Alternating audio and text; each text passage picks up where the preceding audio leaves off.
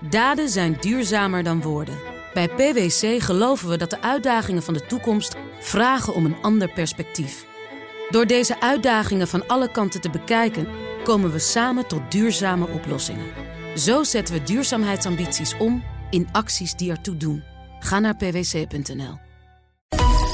Economenpanel. De Amerikaanse president Biden spot met alle Amerikaanse economische wetten. En door de lage rente bij de ECB, het ECB-beleid, staat het verdienmodel van banken onder druk. Dat en meer bespreek ik in het Economenpanel. En daar zit Luc Abe, hoofdeconoom bij Van Landschot Bankiers. En Sandra Flippen, hoofdeconoom van ABN AMRO. En universitair docent toegepaste economie aan de Erasmus School of Economics in Rotterdam. Welkom allebei.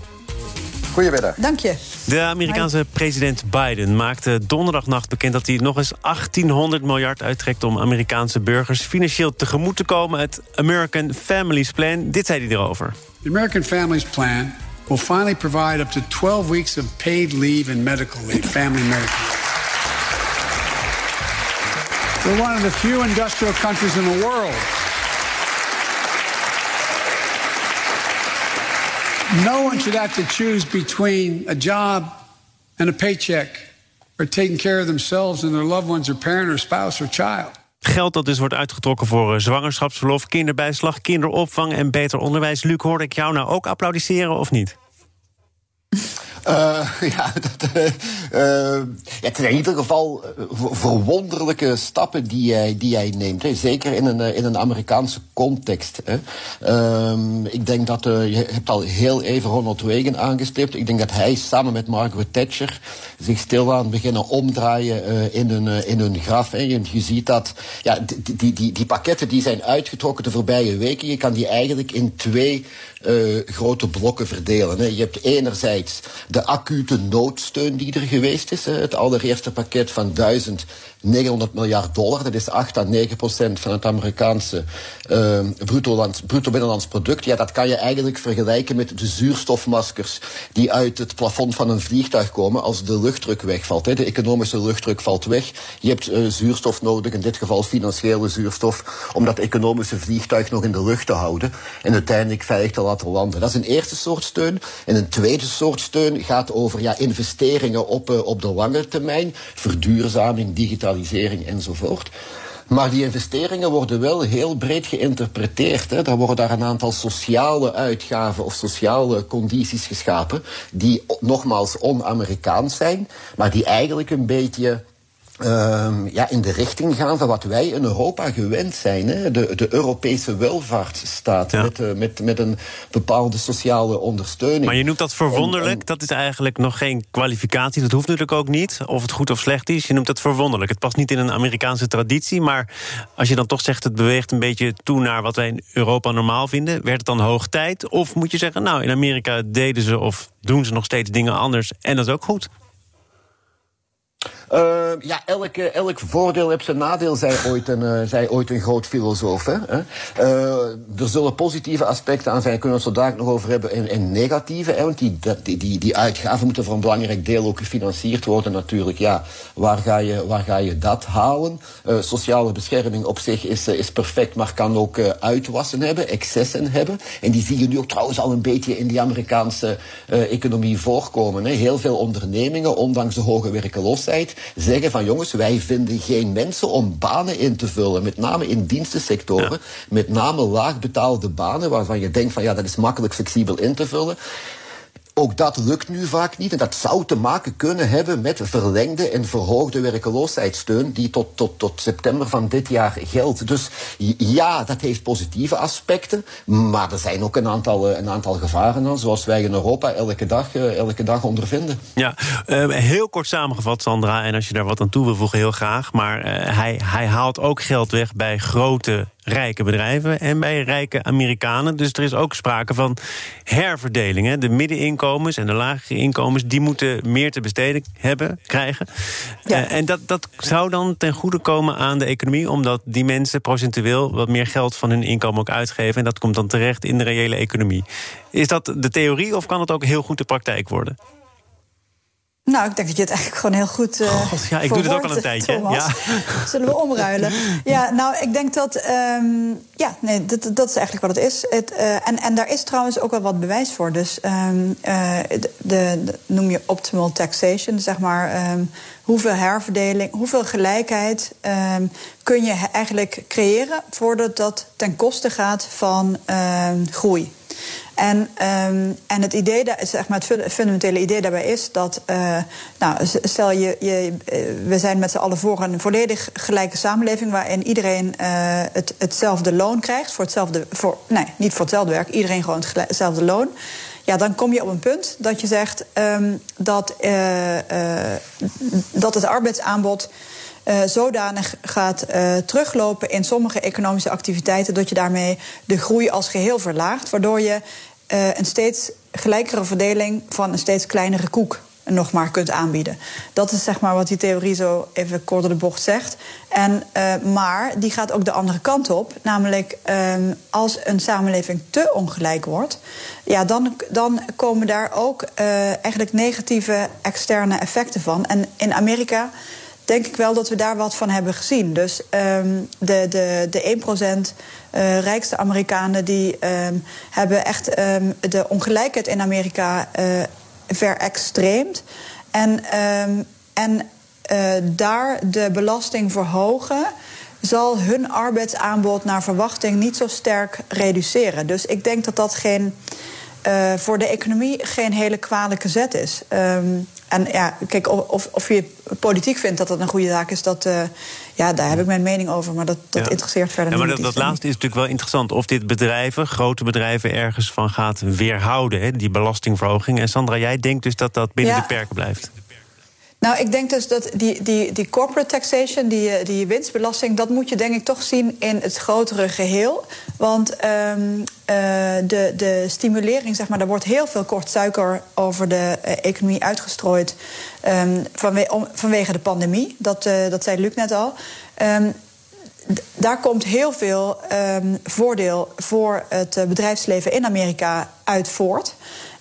En die voordelen die worden, zeg maar, eigenlijk worden die een beetje afgekoeld, afgeremd door die uh, winstbelasting. En ik denk trouwens dat, uh, misschien nog een laatste dingetje, dat um, er zijn volgens mij drie delen. Want er is uh, de, de hulp na de crisis. Er is de lange termijn investeringen van die Biden van plan is. Dat die, die hebben als doel om het groeipad omhoog te trekken op de lange termijn. Maar er zijn ook, en dat is opmerkelijk, uitgaven. Dus niet alle overheidsbestedingen uh, uh, zeg maar, zijn investeringen. Vaak zijn het ook uitgaven. Ja. In Europa kennen we dat, want we vinden het gewoon belangrijk met z'n allen. Dus geld dat je geeft aan, aan de zorg bijvoorbeeld... dat leidt niet tot een productiviteitsgroei... maar dat is gewoon iets wat we met z'n allen belangrijk vinden. En in die zin is Biden sterk een ruk naar links aan het maken omdat ook echt sociale uitgaven die niet per se productiviteitsverhogend zijn, uh, worden nu geïntroduceerd. Luc, nog even terug op uh, wat Sandra ook al aangaf, hè, die, die winstbelasting en of dat uh, de koers van bedrijven kan veranderen. Wat denk jij daarover? Nee, ik denk het, ik denk het niet. Kijk, het voorstel op dit moment is om de het geafficheerde tarief van 21 naar 28 uh, te brengen. Hè. Uh, ja, één, gaat dat gehaald worden? Wellicht niet. Wellicht is daar nog een beetje compromisruimte. Er zijn ook gematigde of meer centristische democraten die die 28 te veel vinden. Dus stel dat we van 25 naar 26 of uh, 5, 26, dat we daar ergens op uitkomen. Uh, ik geloof maar dan ga je het wel betalen, hè? Want hij gaat volgens mij ook fors investeren in een beter functionerende belastingdienst. Ja, nee, oké, okay, dat, is dan nog, dat is dan nog een tweede. Ja. Hè? Maar ik, ik, ik geloof niet dat uh, dat, dat de, de, structurele investeringsplannen van ondernemingen gaat, uh, gaat veranderen. Uiteindelijk worden die, uh, die investeringsplannen toch vooral uh, gedreven door ja, in welke mate die investeringen die ik doe, in welke mate ga ik de producten in dienst die ik daarmee maak, in welke mate ga ik die kunnen verkopen en aan, uh, aan welke prijs. En of die belastingsvoet dan uh, 21 is of 5, 26, waar het uiteindelijk op zal uitkomen wellicht, dat zal misschien een heel kortstondig effectje hebben, maar dan leg ik de nadruk op tje en minder op effect. Dan, eh, dat is een vraag die ik voor jullie beiden heb. Maar Luc, ik, ik eh, begin even bij jou. Wanneer zou je kunnen zeggen: het is genoeg, sterker nog, het is te veel? Dit gaat leiden tot oververhitting. Want als je al die pakketten bij elkaar gaat optellen, nou, dan kom je op een historische grote omvang uit. er zijn ook gerenommeerde economen, en daar schaar ik jullie uiteraard ook onder, die zeggen: ja, dit heeft ook een risico. Dit, dit, dit brengt ook gevaren met zich mee. Is dat zo? Ja, dat, dat, dat is natuurlijk een risico dat we in de gaten moeten houden. Anderzijds toch ook wel een beetje te kaderen en, eh, en te nuanceren. Hè. Eh, twee elementen zijn daar uh, in aanhalen bijvoorbeeld. Eén, um, er is inderdaad uh, die, die, die pakketten rond investeringen, rond sociale uitgaven. Dat gaat alles samen over iets van ja, meer dan 4000 miljard dollar. Dat is gigantisch, maar dat wordt uitgesmeerd over een periode van 8, 9, 10 jaar. Hè. Dat is iets anders dan de acute steun van 1900 miljard. Die zuurstof van daarnet, ja, die wel op korte termijn in de economie wordt gepompt. Dat tweede gaat meer over de lange termijn en dat reduceert het, het prijspeil aanjagend karakter er toch al van. Ja. Het twee, hè, je hoort ook vaak, uh, de Verenigde Staten komen sneller uit de crisis. Eén, vanwege een snellere vaccinatie, maar twee, omwille van die begrotingssteun. dat is misschien voor een stukje zo. Maar als je nu het structureel hele investeringspakket gaat bekijken, dat er uh, rond verduurzaming enzovoort is, uh, is voorgesteld, dat is ongeveer 5 à 6 procent van het Amerikaanse BBP. Als je dan gaat kijken naar, uh, naar Europa, naar het herstelfonds, waar digitalisering, verduurzaming, infrastructuur ook heel belangrijke elementen zijn, ja, ook dat is 5, 6 procent van het Europese uh, BBP. Dus is er, is er een, een, een, een gevaar dat er uiteindelijk wat hogere inflatie uitkomt? Ja, maar u moet dat ook kaderen en nuanceren. En daarnaast is nog een verschil tussen hogere inflatie en hyperinflatie à la jaren 70. Ja. Als de inflatie naar 2, 3 procent gaat. Ja, ik zou bijna zeggen... Heel tamelijk normaal. So what? Ja, ja. Sandra, hoe genuanceerd ben jij hierover? Ja, ik ben het in grote lijnen daar wel met Luc eens. Ik denk dat... Um, wat ik daarbij wel zou willen zeggen is dat um, uh, als, je, als je alle uh, investeringen nu bij elkaar neemt, alle uitgaven, dan heb je het inderdaad over zo'n 25% van het Amerikaanse BBP. Um, nou kun je daar allerlei. Nu, nou, even, even niet nuanceren. Dus 25% van het Amerikaanse BBP. Hoeveel is de Amerikaanse economie gekrompen? 3,5%. Zo. Ja. Um, de, de vuistregel is altijd: je moet de economie stimuleren met hetzelfde percentage BBP als dat die krimpt. Ja, als je het zo bekijkt, dan gaan we natuurlijk gigantisch uh, uh, over, daarover uh, bovenuit komen. Nou, gelden al die argumenten zijn heel belangrijk, de nuancerende argumenten, want het gaat over langjarig geld. Het is niet allemaal um, prijs op, zeg maar, potentieel. de, de, de productiecapaciteit van de Amerikaanse economie wordt niet direct zeg maar, omhoog geduwd. Maar zelfs als je al die nuances weglaat, denk ik dat een dat is ook niet ons basisscenario, maar het is wel een risico. En dat hebben we in een negatief scenario wel uitgewerkt. Dat, dat er ook een oververhitting in Amerika zou kunnen plaatsvinden. Want het gaat om uh, uitgaven die gewoon historisch nog niet gezien zijn. En wat daar de gevolgen van zijn, is hoogst onzeker. Zaken doen. Thomas van Zijl. Luc, door de jingle, maar het, eh, het is vergeven. Wat wilde je nog zeggen? Nee, ik wilde gewoon nog even... Sorry voor de jingle pauze. Nee, het wordt uh, alleen maar mooier op, hoor. Ja, oké. Ja.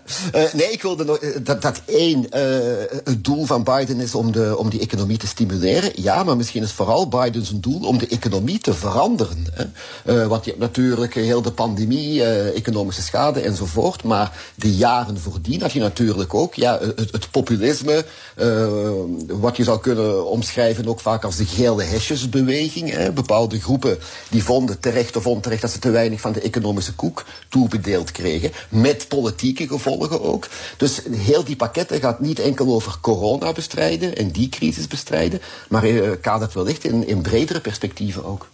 Van de Verenigde ja, Staten. Maar, maar, oh ja, nu zijn we begonnen. Ja, Sandra, kom maar. Ja, wacht even. Oh. Nee, maar, nou, maar Luc, want, want um, maar wat ik daar tegenover zou willen stellen is dat als je. Um, hij, hij, wil dingen veranderen, maar we hebben al meegemaakt dat uh, de regering Obama. Uh, die heeft ook echt een aantal uh, fundamentele dingen in de Amerikaanse samenleving proberen te veranderen. En de backlash daarop, die kunnen we ons allemaal nog levendig herinneren in 2016. dat was Trump. En dus toen is de pendule weer volledig de andere kant op geslingerd. En nu dreigt die pendule weer helemaal de andere kant op te gaan. En ik hou me een beetje ik hou mijn hart wel vast voor wat er met die Amerikaanse samenleving gebeurt. als ze hele grote zwankingen zoals deze moeten doormaken. Ik weet niet of dat ooit nog tot een, een gedragen ehm, maatschappij komt. waarin die polarisatie ook nog maar een hoop heeft om, uh, om, om, om uh, bij elkaar te komen. En dat is wel echt een zorgelijke ontwikkeling. Het is zeker niet zo dat hij zijn doelen gaat, uh, gaat bereiken. Maar het, het zijn wellicht wel doelen van, uh, van hem. Ja, maar zo, ja. inderdaad zonder kans op succes. Ja. Uh, zonder um, garantie op succes, zo moet ik het uitdrukken. Nou, en zelfs bij succes mogelijk een um, volledige omdraaiing weer van de situatie... als er een backlash komt bij de herverkiezingen. Eh, nu, nu het toch allemaal heel democratisch gaat, eh, we zijn een beetje door de tijd aan het eh, vliegen. We hebben nog negatieve spaarrente op het menu en wat daar de gevolgen van zijn, of de steun van het IMF aan Suriname. Wat vinden jullie interessanter? Jij mag um, kiezen, Thomas. Wij hebben de uitzending toch al gekaapt. Ja, geven ze nee, daarom. Ik denk, ik geef het helemaal over. Sandra, heb jij nog een duidelijke voorkeur? Ja, ik denk, als ik aan de luisteraars denk, dan denk ik dat die negatieve spaarrente iets, iets is wat meer in hun leefwereld uh, zit. Om nou, dan, dan, gaan we naar de negatieve spaarrente. Want uh, Rabobank heeft ook aangekondigd uh, zich in een rijtje te voegen van ING, de Volksbank, ABN AMRO. Ehm, laat ik aftrappen met wat ik eerder deze week met Paul Koster besprak. Hij is van de VEB. Hij heeft het ook in de Telegraaf nog herhaald. De boodschap is: de bank hoeft je geld niet meer. Dat ondermijnt het vertrouwen. In België is negatieve spaarrente verboden. Misschien is dat ook een idee voor ons. Nu gaan mensen, om toch nog maar iets te verdienen, af op de eerste, de beste reclame. Of de buurman, want die had toch bitcoin gekocht? Ik zie een duidelijke relatie tussen de lage spaarrente en de stroom van particulier geld naar de bitcoin. En ik zie voorzichtige beleggers zich toch op een risicovolle markt begeven. Uh, nou, laten we met uh, de Vlaming in ons midden beginnen. want die negatieve rente, dat dus in België een fenomeen dat ze niet kennen. Zou dat in Nederland. Nee, dat is niet waar. Oh, dat is niet waar. Nee, dat is niet waar. Nee, nee, nee. Je hebt, uh, ja, zonder, zonder uh, te technisch te zijn, zeker voor de Nederlandse luisteraar niet. Maar nee, die Nederlandse luisteraar, daar moet je niet te veel van verwachten. Je hebt, uh, dat heb jij zelf gezegd, Thomas. Okay. je hebt, in België heb je een bepaald soort spaarrekening en daar is het verboden. Maar je hebt daarnaast nog x aantal andere rekeningen voor spaargelden op, op te zetten. en daar kan het wel degelijk sterker. Het gebeurt ook. Uh, maar goed, dan, dan het eh, tweede deel van, van deze tekst. Namelijk, ja, je moet toch iets met je geld en het moet er iets opleveren. Dus gaan mensen riskante en misschien wel domme dingen doen. Is dat een reëel risico, Luc? Ja, dat is in ieder geval iets dat je, dat je in de gaten moet houden. Hè. Dat klopt. Hè. Uh, een van de doelen, misschien niet het hoofddoel, uh, van de ECB was net om, uh, om investeringen in de eurozone aan te moedigen. Om een betere allocatie van kapitaal te krijgen hè, enzovoort.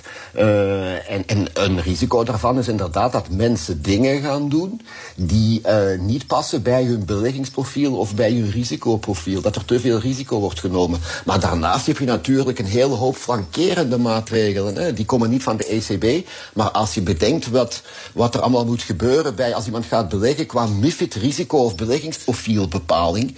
Uh, dus dat, dat is zeker niet zo dat dat het Wilde Westen is, uh, is geworden. En dat, uh, dat onwetende spaarders plotseling speculerende beleggers automatisch worden. Dat er geen enkele rem op zit. Maar is het een risico om in de gaten te houden? Ja, duidelijk. En Sandra, in hoeverre kunnen banken wijzen naar de ECB? Want banken moeten ook weer geld aan de ECB betalen als ze daar hun geld stallen. En dat kan op een gegeven moment niet meer uit. Is dat, is dat de belangrijkste verklaring voor het feit dat die negatieve rente nu een feit is uh, boven een bepaald bedrag? Zeker, ja, dat is de belangrijkste verklaring. Het is dus ook een, een, een doorgeven van negatieve rente. Maar ik denk dat, uh, want, die, want die zinnen waar je mee begon, uh, ik, ik, ik denk dat we moeten uitkijken om niet te snel te grote woorden te gaan gebruiken hier. Um, want uh, kijk, de praktijk is dat um, uh, het, het, mediane uh, spaarbedrag, zeg maar het meest voorkomende spaarbedrag, wat er op Nederlandse rekeningen staat, is zo'n 15.000 euro. Nou, dat zit mijlenver af van de spaarbedragen waarbij een negatieve rente geldt. Um, dus dat, dat, is de, dat is nu niet aan de orde en dat is ook nog heel lang niet aan de orde. Nee, is dat zo? Want dat Ehm, is natuurlijk de angst hè, waar ook in de Kamer al over gesproken is. Ja, het is nu nog een Ja. ton, maar een ton wordt al snel een halve ton. En voor je het weet kom je Ja. wel in de regionen waar mensen veel vaker mee te maken krijgen. Ja, maar ik denk dat, dat ten eerste mensen wennen aan dit idee. Eh, mensen, als ze, als ze er wat meer over lezen, dan zien ze ook wat er aan de achterkant gebeurt. En dat het dus niet een eenzijdige actie is van banken die ehm, bedenken van... hé hey joh, laten we eh, die spaarders een loer draaien en ze negatieve rente eh, aanrekenen. Dat, dat is natuurlijk helemaal niet aan de orde. En, ehm, en ik denk dat het zo'n vaart helemaal niet loopt naar die bedragen. Ik denk ook dat ehm, eh, eh, mensen zich in toenemende mate als zeg maar in de, de eerste keer dat je zoiets hoort, een negatieve rente, is dat gewoon schrikken. Inmiddels hebben we daar toch al een tijdje mee te maken. Dat zal ook nog wel een hele tijd blijven. Dus die beleidsrentes van de ECB die zullen nog lang heel erg laag en negatief blijven. De, het punt waarin de rente zo negatief is dat een verdere verlaging meer maatschappelijke kosten met zich meebrengt dan maatschappelijke baten. Daar zijn we nog niet volgens de ECB. Dus, um, dus het zou zelfs nog lager kunnen. En, en wat het, um, denk ik, in, in, de, in de praktijk voor de mensen thuis gewoon ook betekent, is dat je je realiseert, je went aan, aan dit soort dingen en je realiseert je dat of je nou nul krijgt, want je krijgt bijna nergens meer uh, een positieve rente. Um, of dat het nou bijna nul is of net onder Mhm. nul, dat maakt natuurlijk in de praktijk helemaal niets uit. En um, het Maar is, je het is meer een psychologisch ECB, effect. je ziet het nog eigenlijk wel, wel verder naar beneden gaan in die zin. Dus dan, dan wordt het dan toch ook reëler om te denken dat het uh, ook onder een ton misschien toch wel aan de orde zal, zal kunnen zijn. Nou ja, ik, ik, sluit niet uit dat het ooit aan de orde zal zijn, dat het onder een ton. Maar de, um, als je het hebt over waar de meeste mensen hun spaargeld uh, staat, dat is rond de 15.000. En daar denk ik, ik denk zelf dat het zover, uh, dat, dat, dat dat echt gewoon niet in zicht is. Mm -hmm. uh, maatregelen die die kant op gaan. Maar uh, ja, ik zal nooit nooit zeggen. Maar ik denk dat het belangrijker is dat het vooral gaat om een psychologisch effect van dat net boven, net onder de nul. En juist omdat het voor een groot deel een psychologisch effect is, is dat ook iets waar mensen aan wennen. Uh, en overigens, de hele reden, laten we eens naar de fundamentele reden kijken waarom een, uh, een, een centrale bank dit doet. Het is natuurlijk eigenlijk allemaal bedoeld om juist investeringen aan te jagen. En het grootste probleem in onze economie is niet dat er te weinig geld is. Het, is, het probleem is dat er te weinig vraag is naar ja. investeringen. Ja, de kredieten, de kredietverstrekking eigenlijk, toch? Banken Juist, moeten en iets met hun geld niet- kunnen. Banken moeten met maar, maar ondernemers hebben steeds minder eh, kredietvraag. En dat heeft bijvoorbeeld ook te maken met dat we steeds meer een digitale eh, kenniseconomie aan het worden zijn. Waarin je voor dezelfde omzet veel minder eh, kapitaalintensieve investeringen nodig Je hebt. hoeft geen apparaten, geen machines meer te kopen. Ja, ja, ja, precies. Juist. Dus, um, en dat, dat, zijn, dat is één reden. Maar zijn, weet je, we leven echt gewoon in een snel veranderende uh, economie en maatschappij. En daarin is um, uh, productiviteit, uh, ja, die, die, die, die neemt af. En de, of de productiviteitsgroei neemt af. En de, en de investeringsvraag uh, neemt ook structureel af. En dat zijn, ja, dat zijn grote maatschappelijke problemen in de gehele westerse wereld. Ja. Uh, waar we op een of andere manier mee moeten dealen. Luc, er, er is al het een en ander genuanceerd, uh, dit, dit panel. Nu ook Sandra ten opzichte van die negatieve spaarrente. Want heel veel mensen komen daar überhaupt eigenlijk nauwelijks mee in aanraking. Is het wel iets waar de ECB over zou moeten nadenken? Want de verklaring die laat zich raden. Dat heeft dus te maken met het feit dat banken ook moeten betalen... als zij hun geld bij de ECB stallen. Moet dat nog wel echt een overweging zijn... bij het Ja. vaststellen van het beleid van de ECB? Ja, en dat, dat, dat, dat is het ook, denk ik. Hè. Het, uh, het is een heel concrete uiting uh, van, van het feit dat de ECB of de monetaire beleidsmakers in het algemeen ja, niet zo heel veel meer instrumenten in hun gereedschapskist hebben om die economie aan te jagen. Laat staan mochten we in een nieuwe uh, structurele crisis terechtkomen om, uh, om bijkomende maatregelen te nemen. Ik denk dat de Zwitserse centrale bank qua beleidsrente nog net iets lager zit. Hè. ECB zit op min een halfje, de Zwitsers dacht ik op min 0,75. Ja, en dat is het zo wat. Hè. Uh, uh, dus het is vooral een uiting dat eigenlijk die, die, die centrale banken niet zo heel veel meer kunnen. En dat we toch vooral moeten rekenen, wellicht, als er maatregelen genomen worden op het begrotingsbeleid. Uh, ja. ja. dan zitten we eigenlijk terug een beetje bij het begin van deze uitzending bij Joe Biden-achtige initiatieven. Met al zijn voordelen, maar ook zijn potentiële nadelen.